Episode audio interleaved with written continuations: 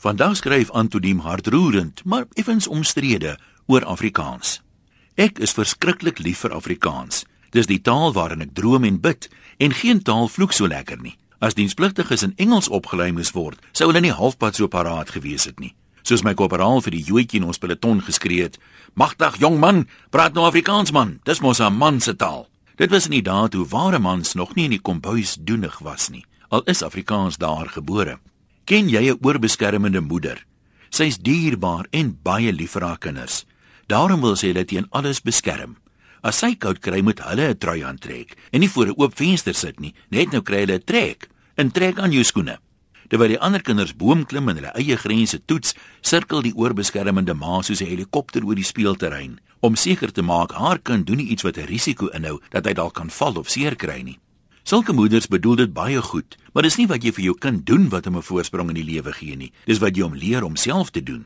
Die resultaat van die oppiepery is juis dat haar kind kort kort siek is.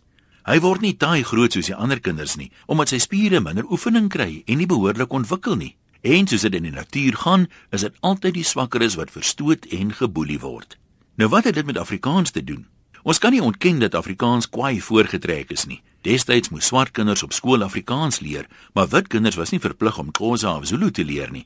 Daar was wetgewing dat 'n ontvangsdame by 'n hotel Afrikaans magtig moes wees en in die begin daarvan TV moes nie net dosyne programme in Afrikaans oorgeklank word nie, selfs die Engelse advertensies moes in Afrikaans vertaal word. Ek weet nie hoeveel Engelssprekendes daar in die Broederbond was nie, maar ek kan raai. En in die heyday van die NP was die staatsdiens byna uitsluitlik Afrikaans behalwe natuurlik vir die tolke en die skoonmakers. Net soos die oorbeskermende moeders en die beskermers van Afrikaans dit goed bedoel, maar ongelukkig het al die oppiepery veroorsaak dat Afrikaans ontwikkel het in 'n kind met special needs.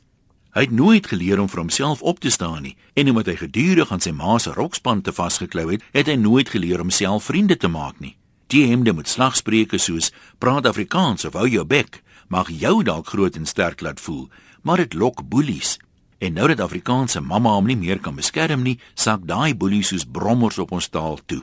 Wat is dan nou lekkerder as om 'n swakkeling rond te stamp?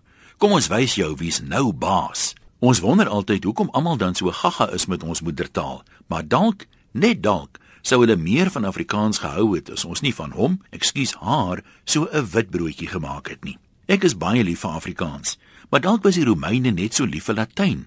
En wie sou kon voorsien dat die magtige Romeinse ryk tot 'n val sou kom? Daar was 'n tyd toe hulle baas was oor groot dele van die wêreld. Dalk skuil daar 'n lewenslesie in hierdie vergelyking. Latyn word vandag nie meer gepraat nie, maar elkeen wat ooit Latyn as vak gehad het, onthou nog vir amo amas amat. Al is dit al. Ek het lief, jy het lief en hy en sy het lief. As ons dit begin uitleef, sal die wêreld oornag sommer 'n beter plek wees, ook vir Afrikaans. En as ek nou sê ons moet dit uitleef, dan bedoel ek nie ons moet net onsself en Afrikaans lief hê nie. Ek bedoel eerder naaste liefde, soos in die Bybel. Groete van oor tot oor. Antoniem